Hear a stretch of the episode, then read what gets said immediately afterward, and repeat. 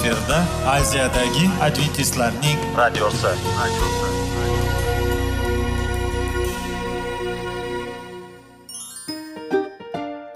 Assalomu alaykum aziz radio tinglovchilar.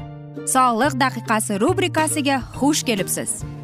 Zero tananing sog'lom bo'lishi va uning kasalliklardan saqlash har bir insonning burchi hisoblanadi. Inson uchun bebaho boylik bu sog'liq salomatlikdir. Uni asrash esa har birimizga omonat qilib berilgan. Shuning uchun ham inson o'z sog'lig'ini ehtiyot qilishi va ajib amallardan hisoblanadi. Dono xalqimiz sog'liq tuman boylik deb bejiz aytmagan. Aql idroq sohibi bo'lgan inson o'z hayotini qadrlashi lozim bo'ladi. Hozirgi kunda qanchalik dori darmonlar ko'paymasin tibbiy muassa sifati shifokorlar vasiyasi tibbiy texnika yaxshilanmasin. Agar insonning o'z salomatligi haqida qayg'urmasa kutilgan natijaga erishib bo'lmaydi va biz sizlarga bizning dasturimizga xush kelibsiz deymiz.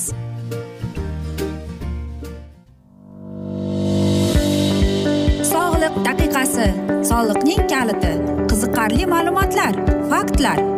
Har kuni siz uchun foydali maslahatlar. Sog'liq daqiqasi rubrikasi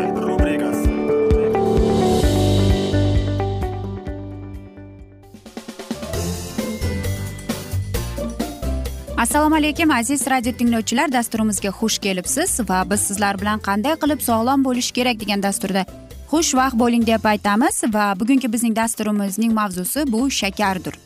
Xo'sh siz aytasizki shakarning nimasi yomon deb? Aziz do'stlar qarangki shakarning foydasi ham bor ekan zarari ham bor ekan. Shakarning hech qanday ozuqaviy qiymati yo'q. U va u tishlarimiz uchun zararli hisoblanadi. Buni ko'pchiligimiz bilsakda yana taqidlab o'tishni ma'qul ko'rdik. Shakar kaloriyaga boy bo'lgani bilan uning organizm uchun hech qanday ozuqaviy qimmati yo'q deydi shifokorlar. Bunday kaloriyalarga bosh kaloriya deyiladi. Shakarda na aksil na minerallar va na vitaminlar mavjud. Agar biz energiyamizni o'n yigirma foizni shakardan oladigan bo'lsak bu ozuqaviy tansiqlikka olib kelishi mumkin. Bundan tashqari tishimizdagi zararli bakteriyalar uchun oson hazm bo'ladigan energiya manbai hisoblanadi. Shundan bo'lsa kerak bolaligimizdan shakar va shirinliklarni kamroq iste'mol qilishni taqidlab kelishadi. Albatta hammamiz e, yoshligimizda ayniqsa ota onamizdan mana shunday so'zlarni eshitganmiz. Shakamroq shakarni kamroq iste'mol qil shakarni kamroq solgin deb. Lekin bejizga emas ekan.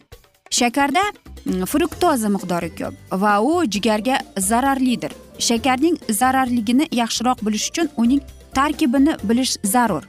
U ovqat hazm qilish tizimidan o'tib qonimizga surilishdan oldin fruktoza va glyukozaga parchalanadi. Glyukoza barcha tirik mavjudotlarda bor bo'lib agar organizmimiz uni kerakli miqdorda ozuqalardan olmasa o'zib ishlab chiqarish qobiliyatiga ega. Fruktoza glyukozadan farqli o'laroq organizmimiz fruktozani ishlab chiqarmaydi.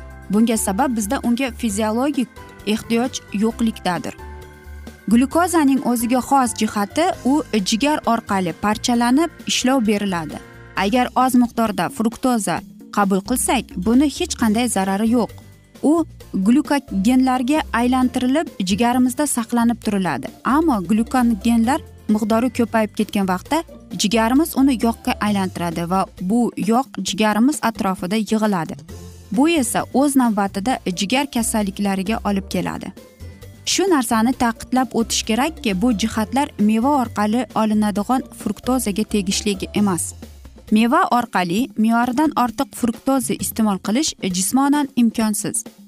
Yana shuni ta'kidlab o'tish kerakki har bir odamning organizmi shakarga chidamlik darajasi bo'yicha turlicha bo'ladi.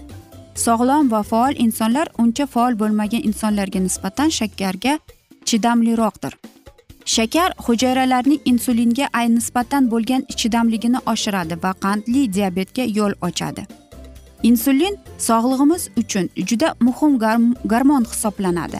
U glyukozaning qonimizdan hujayralarga kirishni ta'minlaydi va hujayralarga yog'ning o'rniga glyukozani yoqish kerakligini bildirib turadi. Qonda yuqori miqdorda glyukoza bo'lishi juda zararli bo'lib qandli diabet bilan kasallanganlarda ko'rish qobiliyatining pasayishi va boshqa qiyinchiliklarga sabab bo'ladi. Shakarning zararli tarafi shundaki hujayralar insulin gormoni buyraklarini bajarmay qo'yadi va insulinga bepisand bo'la boshlaydi. Bu o'z navbatida ko'plab qon va yurak kasalliklariga yo'l ochib beradi.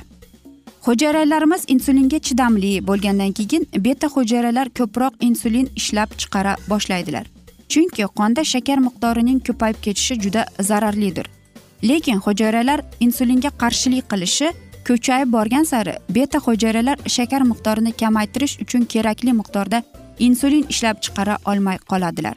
Natijada qonda shakar miqdori ko'tarilib ketib qandli diabetga olib keladi. Shakar alkogol va narkotik moddalari singari o'ziga bog'liqlik yo'qotadi. Spirtli ichimliklar va narkotik moddalar iste'moli miyada dopamin moddasini ishlab chiqarishi sababli ularni iste'mol qilganlar bog'lanib qolishadi. Shu yilning boshida olimlar shakar iste'moli ham yuqori miqdorda dopamin moddasi ishlab chiqarilishga olib keladi va odamlarda shakarga nisbatan bog'liqlik paydo bo'lishiga sabab bo'ladi degan ilmiy fikrni bildirishdi. Albatta shakarning qarangki mana shunday bizga bo'lgan e, zararli tomoni ham bor ekan. Shuning uchun ham yozning kunida yoki masalan shirinlik yegingiz kelayotgan bo'lsa quruq mevalarni o'rik qoqi olma qoqidan e, iste'mol qilganingiz ma'qulroqdir. Bu tabiiy va zarari yo'q unda hattoki fruktoza ham bor va bizning sog'lig'imizga juda foydali deb o'ylayman. Aziz do'stlar agar e, shakarni iste'mol qilsak demak bizda qandaydir kamchiligimiz bor deymiz. Qarang e, men masalan shakar umuman iste'mol qilmayman. Besh yil bo'lib qoldi. Agar adashmasam e, mana shu besh yilning ichida tajriba sifatida o'tkazdim. Men faqat quritilgan meva e, va yozim bilan e, mana shu mevalarni iste'mol qilishga harakat qilaman. E, va menda shakarga bo'lgan mana shu bog'liqlik umuman yo'q. Men umuman shakar iste'mol qilishni xohlamayman ham. Va aziz do'stlar sizlarga aytmoqchimizki o'zingizning sog'lig'ingizga ehtiyot bo'ling deb o'zingizni ehtiyot qiling deymiz. O'zingizning sog'lig'ingizga jiddiy qarating deymiz. Aziz do'stlar mana shunday asnoda esa biz bugungi dasturimizni afsus yakunlab qolamiz chunki vaqt birozgina chetlatilgan. Lekin keyingi dasturlarda albatta mana shunday mavzularni yana o'qib eshittiramiz. Va agar sizlarda savollar tug'ilgan bo'lsa biz sizlarni salomat klub internet saytimizga taklif qilib qolamiz va whatsapp nomerimizga ham ya'ni plyus bir uch yuz bir yetti yuz oltmish oltmish yetmish raqami yana bir bor qaytarib o'taman. Plyus bir uch yuz bir yetti yuz oltmish oltmish yetmish raqami. Э, mana shu raqamga murojaat etasiz va bu yerda hamma sizni qiziqtirayotgan savollaringizga javob topasiz deb. Aziz do'stlar umid qilamanki bizni tark etmaysiz deb chunki oldinda bundanda qiziq va foydali dastur kutib kelmoqda. O'zingizni va yaqinlaringizni ehtiyot qiling deb xayrlashib qolamiz.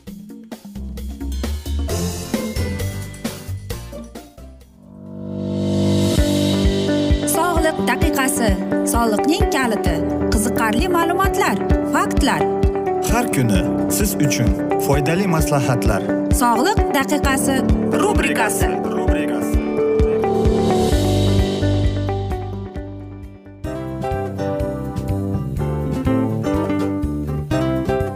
Mana ha hayotda hamma narsaning yaxshi narsalar tugaydi va yakunlaydi degandek bizning dasturimizga ham yakun keldi o'ylaymanki bizning dasturimiz sizga foydali bo'ldi deb aziz radio tinglovchimiz.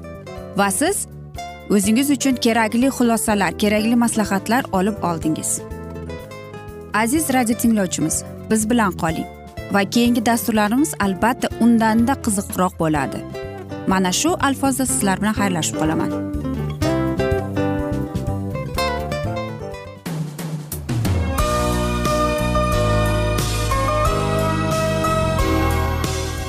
Efirda aziyadagi adventistlarning radiosi.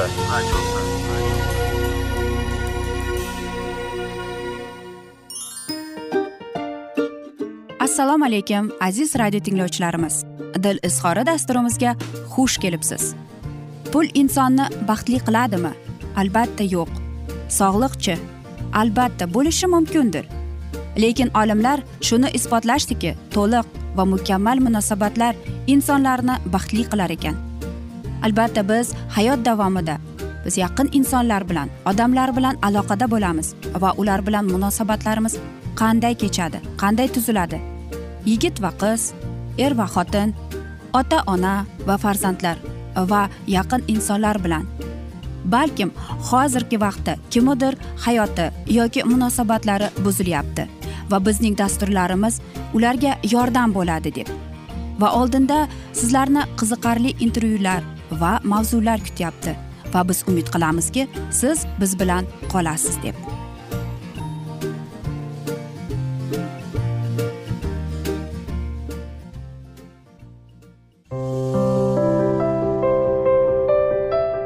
Har kuni har xil kasbdagi odamlar bilan sirlashish va bo'lishish sevgi rashq munosabat. Bularni hammasi dil izhori rubrikasida.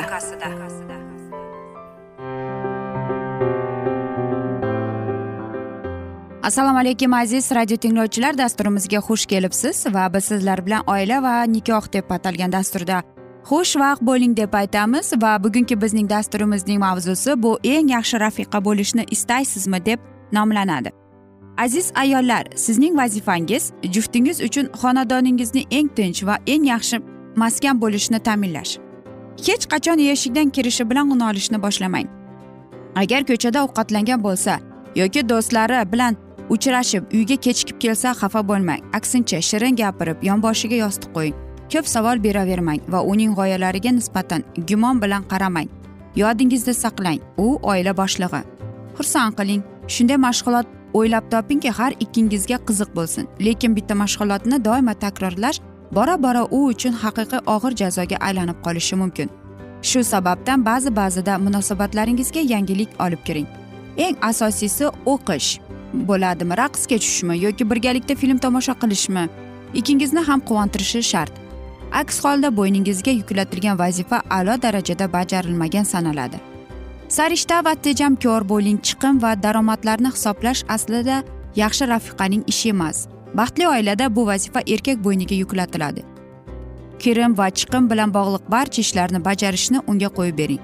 Siz esa ro'zg'or yumushlari bilan band bo'ling va uyni saramjon sarishtaligiga javob bering. Mabodo eringiz bozor o'charga vaqt topolmay.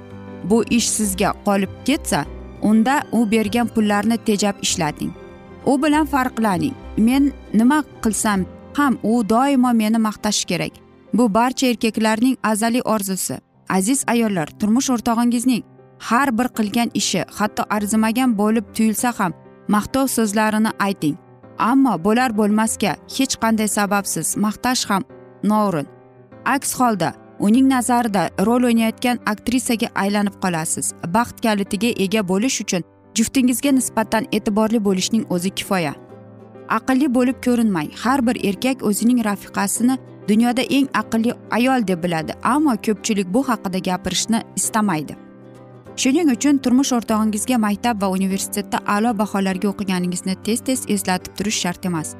Qilmoqchi bo'lgan har bir ishingizni bajarishdan avval albatta turmush o'rtog'ingiz bilan maslahatlashing. Bundan tashqari juftingiz bilan suhbatlashganda u sizdan ko'ra ko'proq ma'lumotlarga ega bo'lgan mavzularda suhbatlashning negaki rafiqasining ko'zlarida katta qiziqishni ko'rgan har bir erning o'ziga bo'lgan ishonchni yanada ortadi maoshingiz unikidan past bo'lsin. Agar baland bo'lsa eringizga buni bildirmang. Tashqarida yigirma birinchi asr bo'lishiga qaramay haligacha o'zidan ko'p ishlaydigan rafiqalaridan xafa erlar uchrab turadi. Agar siz juftingiz xafa bo'lishni istamasangiz undan hech qachon undan ko'p maosh olishingizni yuzga solmang. Aksinga e, unga oilaviy byudjetga kim qancha hissa qo'shayotganini muhim emasligini tushuntirib bering. Toki u o'zini kamsitilgandek his etmasin. Sabr qiling. Sabr shubhasiz fe'l atrofning muhim jihati. Ammo ba'zida haddan ziyod sabr toqat qilish turmush o'rtog'ingizga e, menga hamma narsa mumkin kabi noto'g'ri tushunchani paydo qiladi. Ba'zi ba'zida eringizga fe'lingizni ko'rsatishdan cho'chimang. Faqat bu ishni kutilmaganda yoki ovoz ko'tarib bajarmang. Yaxshisi turmush o'rtog'ingizni oldindan uning qaysi harakati sizga og'ir botishi haqida ogohlantirib qo'ying. Albatta bu ayollarga tegishli yoki ehm, aytamizki erlargachi deb. Albatta erlarga ham bu tegishli lekin bilasizmi erkaklarga aytmoqchimanki ayolning qalbiga quloq soling deb. Masalan urushib qolamiz oilada hamma narsa bo'ladi. Va aziz erkaklar unutmaslik kerak. Ayollarning ko'ngli judayam nozik bo'ladi. Ular birgina gapga xafa bo'lib bir shirin so'z bilan samimiy tabassum bilan xursand qilishingiz mumkin ularni. Ayollarga nisbatan doimo muloyim bo'ling.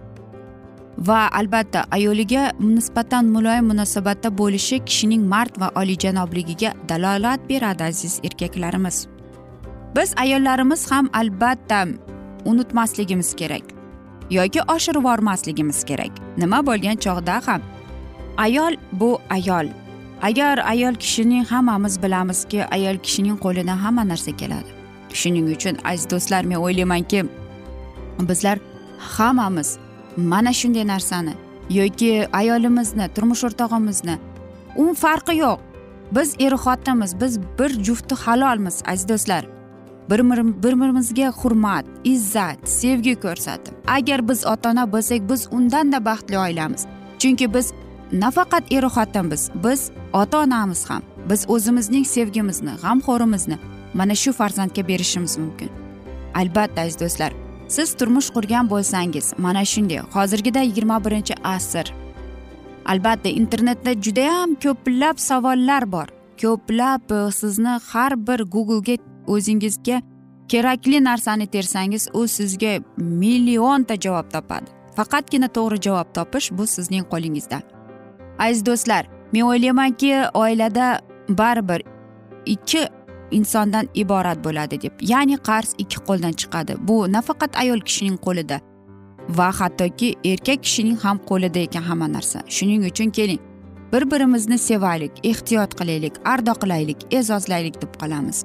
Biz esa mana shunday asnoda bugungi dasturimizni yakunlab qolamiz. Afsuski vaqt birozgina chetlatilgan lekin keyingi dasturlarda albatta mana shu mavzuni yana o'qib eshittiramiz. Agar sizlarda savollar tug'ilgan bo'lsa plyus bir yetti yuz oltmish oltmish yetmish raqam plyus bir uch yuz bir yetti yuz oltmish oltmish yetmish bizning whatsapp raqamimiz. Shunga murojaat etsangiz sizni qiziqtirayotgan barcha savollaringizga javob topasiz deymiz. Va men umid qilamanki bizni tark etmaysiz deb chunki oldinda bundanda qiziq va foydali dasturlar kutib kelmoqda sizlarni aziz do'stlar. Aziz do'stlar biz esa sizlarga va oilangizga tinchlik totuvlik sihat salomatlik tilab yuzingizdan tabassum hech ham ayrimasin deb va albatta seving seviling deb qolamiz.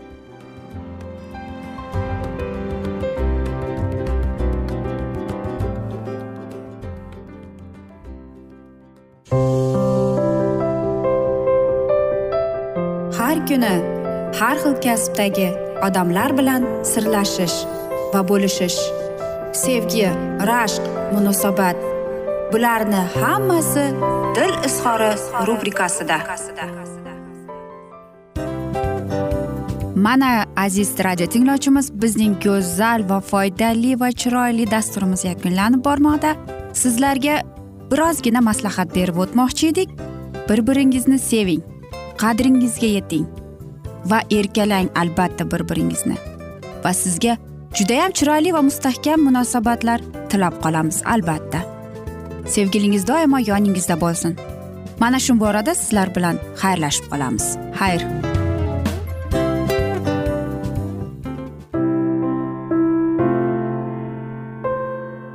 Hayotning noni. Qiziqtirgan savollar va javoblar. Buning hammasi ko'ngil uchun oziqa rubrikasida.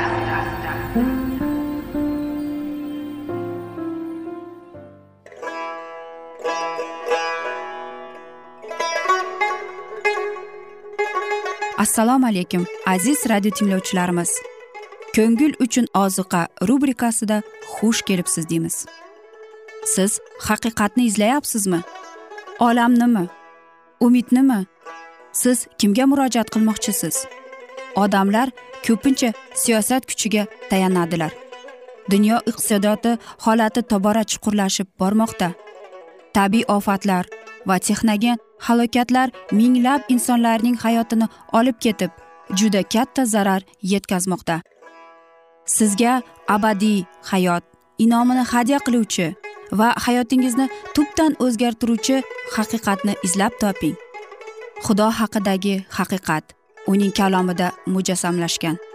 Kimki bu haqiqatni butun qalbi bilan izlasa albatta unga yetishadi. Bu sevgi xudoning tarixidir. Hayotingizda yoki sizning yon atrofingizdagi olamda nimalar yuz berishidan qat'iy nazar? Siz ertagi kunga buyuk umid va ishonch hosil qilishingiz mumkin. Hozirda xudo sizga taklif qilayotgan umid ishonchga o'z qalbingizni oching va sizni qiziqtirayotgan mavzularni savollaringizga javoblaringizni topib olasiz deb umid qilamiz. Biz bilan qoling.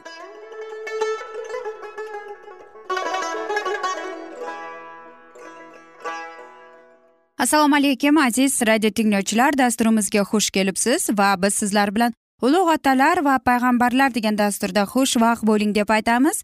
Va bugungi bizning dasturimizning mavzusi ishoqning uylanishi deb ataladi va biz sizlar bilan o'tgan galgi mavzuni bugun davom ettiramiz. Yana quduq tomon chopib borib suv tortdi va kishining hamma tuyalarini ham sug'ordi. Odatdagicha amir qizlari ota onasiga tegishli molni o'zlari sug'orardilar. Xizmatkor kishi xudo yo'limni o'ngladimi? deb bilmoqchi bo'lib diqqat bilan qizga qaraguncha jim turar edi. Kutgan belgi unga berildi. Bu qizning rangi rafroti juda chiroyli va uning xizmat qilishiga xushfe'l tayyorligi mehribon yurakli va baquvvat tirik qiz tabiatli ekanini guvohlardi. Ushbu paytgacha ilohiy qo'l xizmatkori yo'lladi.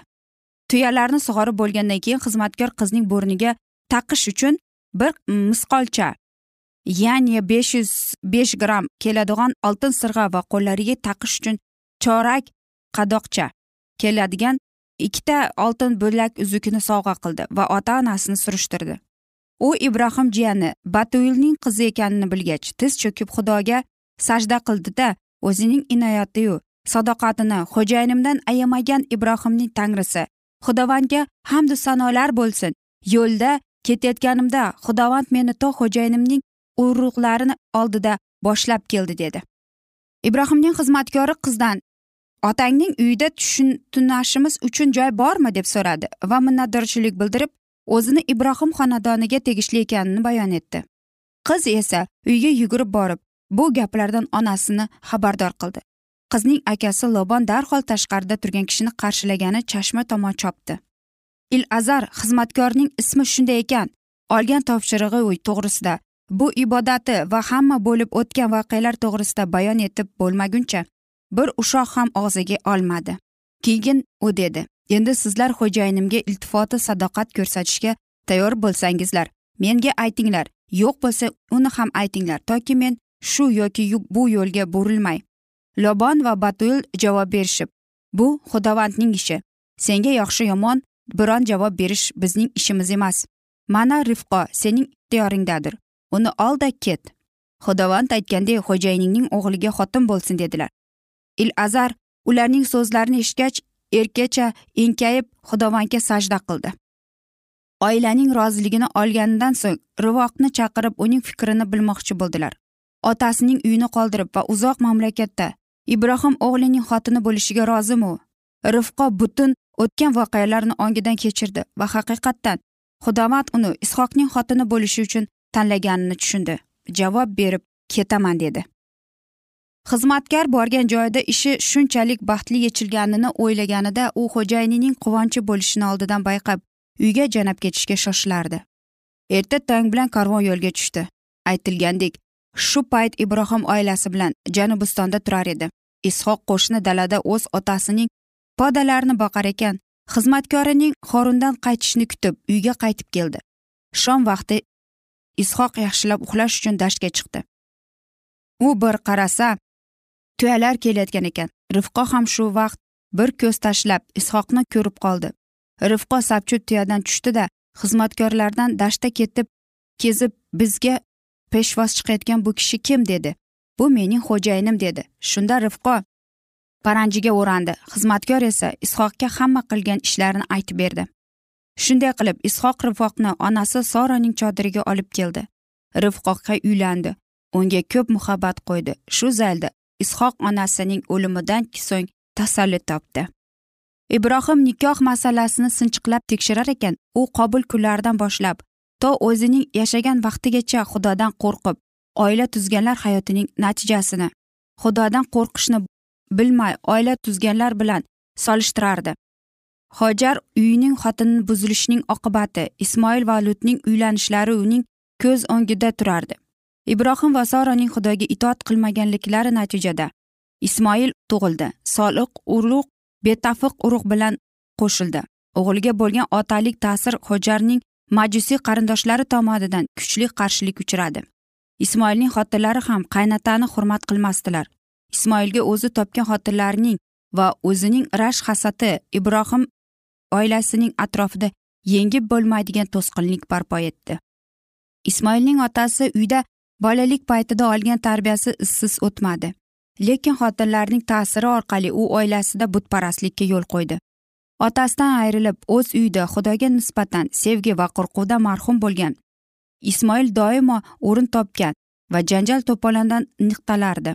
Oqibatda ismoil cho'lda yovvoyi hayot kechira boshladi va qaroqchilar to'plamiga yo'lboshchi bo'ldi. U insonlar orasida asov eshakday bo'lgay uning qo'li hammaga qarshi hammaning qo'li ham unga qarshi ko'tarilgan. Keyinchalik u o'z gunohlarini e'tirof etdi va otasining parvardogoriga qaytdi lekin uning tabiatini avlodi meros qilib oldi. Undan chiqqan juda qudratli xalqining xulqi xushchiq ishoq zurriyoti uchun baxtsizlik va tinchsizlikning doimiy manbai bo'ldi. Ular majusiylar nomini oldilar. Lutning xotini o'zini sevadigan imonsiz ayol bo'lib chiqdi. Uning ta'siri orqasida lut ibrohimdan ayrilib yashay boshladi. Aziz do'stlar mana shunday asnoda esa biz bugungi dasturimizni afsus yakunlab qolamiz chunki vaqt birozgina chetlatilgan. Lekin keyingi dasturlarda albatta mana shu mavzuni yana o'qib eshittiramiz. Va agar sizlarda savollar tug'ilgan bo'lsa biz sizlarni plyus bir uch yuz bir yetti yuz oltmish oltmish yetmish plyus bir uch yuz bir yetti yuz oltmish oltmish yetmish bizning whatsapp raqamimiz. Murojaat etsangiz barcha qiziqtirayotgan savollaringizga javob topasiz deymiz. Va men umid qilamanki bizni tark etmaysiz deb chunki oldinda bundanda qiziq va foydali dasturlar kutib kelmoqda va biz sizlarga va oilangizga tinchlik totuvlik tilab o'zingizni va yaqinlaringizni ehtiyot qiling deb xayrlashib qolamiz.